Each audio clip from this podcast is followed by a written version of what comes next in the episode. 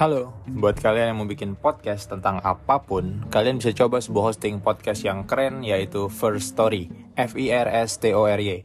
First Story ini bisa kalian gunakan 100% gratis. Di dalamnya kalian tinggal upload rekaman podcast kalian, langsung dipublish bisa atau mau dijadwalkan untuk waktu tertentu juga bisa. Setelah itu, First Story akan mendistribusikan podcast kalian ke Spotify, Apple Podcast, Noise, Google Podcast, dan banyak platform lainnya. Di sini juga tersedia F-Link, semacam link tree yang berisi semua platform podcast dan social media kalian.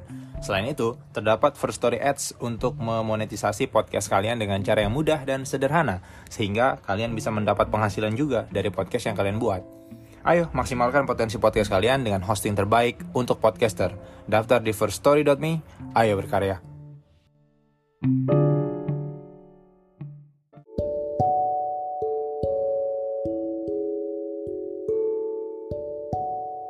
Halo, kembali lagi bersama saya Rin Syah Mahendra, your book uh, reader. Saya akan melanjutkan buku Criminal Minds, The Book of Serial Killers, profil psikologis para pembunuh berantai. Yang kita sudah sampai di bagian serial killer legendaris. Pada episode sebelumnya bisa kalian cek di belakang-belakang ada Liu Pengli, kemudian yang kedua sekarang Tuk Behrem, perampok yang membunuh para korbannya. Profil Tuk Behrem Nama lengkap Tuk Behrem alias Buhram Jemeder. Lahir sekitar tahun 1765 Meninggal sekitar tahun 1840 Pada usia 42 tahun. Dihukum mati melalui tiang gantungan. Tuduhan perampokan, penganiayaan, dan pembunuhan. Jumlah korban yang diakui 125 sampai 150 pembunuhan sedangkan diperkirakan sekitar 931 pembunuhan. Profil korban tidak ada ciri khusus. Lokasi pembunuhan India. Murder is always a mistake. One should never do anything that one cannot talk about after dinner.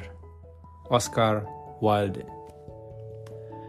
Salah satu pembunuh berantai yang cukup legendaris berasal dari abad ke-18 di negara India ia tercatat sebagai pimpinan dari Tugi, sebuah organisasi kriminal India yang berkembang pada saat itu.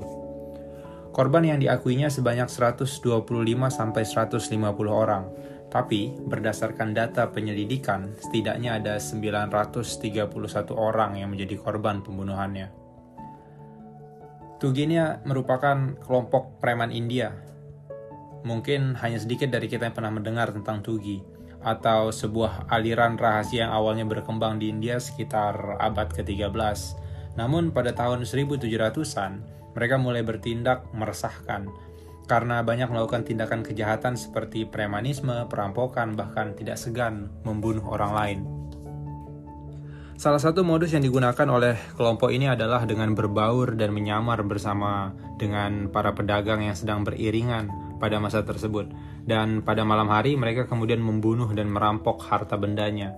Tugi juga dikenal sebagai penipu yang handal. Mereka sering berpakaian layaknya wisatawan, kemudian menipu masyarakat lokal atau wisatawan lainnya. Setelah tahu jumlah dari kekayaan korbannya, Salah satu ciri kejahatannya adalah ia tidak melakukan perampokan dan pembunuhan yang dekat dengan di mana mereka tinggal. Metode pembunuhan yang sering dilakukan oleh kelompok ini adalah dengan cara mencekik korbannya menggunakan kain. Hal ini dilakukan dengan menghindari uh, senjata yang mereka bawa dan menimbulkan kecurigaan. Mengingat sejumlah kejahatan dilakukan secara tersembunyi dengan cara membaur dengan korbannya dan beraksi ketika korbannya lengah. Tuk Behram adalah pimpinan dari kelompok preman sadis ini. Mereka tercatat membunuh sejumlah korbannya dalam kurun waktu 50 tahun terakhir, yaitu sekitar tahun 1790 sampai 1840. Dan di setiap tahunnya Tuk Behram bisa membunuh kurang lebih 18 orang dengan metode yang sama, yaitu mencekik mereka menggunakan kain. Selain mengambil harta dari korbannya, pembunuhan diduga dilakukan sebagai bentuk pemujaan terhadap Dewa Kali Dewi Kali, yang merupakan lambang kematian di India. Dalam kebudayaan Hindu, Dewi Kali dikenal sebagai istri dari, dari Dewa Siwa atau dewa yang bertugas untuk menghancurkan segala sesuatu yang sudah usang untuk dikembalikan ke asalnya. Siwa adalah salah satu dari Trimurti atau dewa utama dalam ajaran Hindu. Sedangkan Kali lebih dikenal sebagai Dewi Kematian yang sering digambarkan berwajah menyeramkan, berlumuran darah dan menggunakan kalung dari tengkorak manusia. Dalam kepercayaan Hindu, Kali sebenarnya adalah jelmaan dari seorang wanita cantik yang kemudian berubah wujud dalam bentuk pertarungannya melawan iblis. Pembunuhan yang dilakukan oleh kelompok Tugi sangat banyak, bahkan ada yang menyebutkan hampir satu juta orang menjadi korbannya. Beberapa di antaranya dipercaya dijadikan tumbal dalam ritual penyembahan di mana para korban tidak boleh mengeluarkan darah dalam kematiannya. Itulah sebabnya pembunuhan dilakukan dengan metode mencekik atau beberapa kali meracuni korbannya hingga meninggal. Dalam melakukan pembunuhan, biasanya mereka juga tidak mengeksekusinya sendirian, tetapi dilakukan bersama-sama dengan rekannya yang lain. Tuk Behram dan Tugi juga tidak pernah secara spesifik dalam memilih para korbannya. Setiap orang bisa menjadi korbannya, mulai dari laki-laki, perempuan, orang tua, bahkan bisa jadi anak-anak.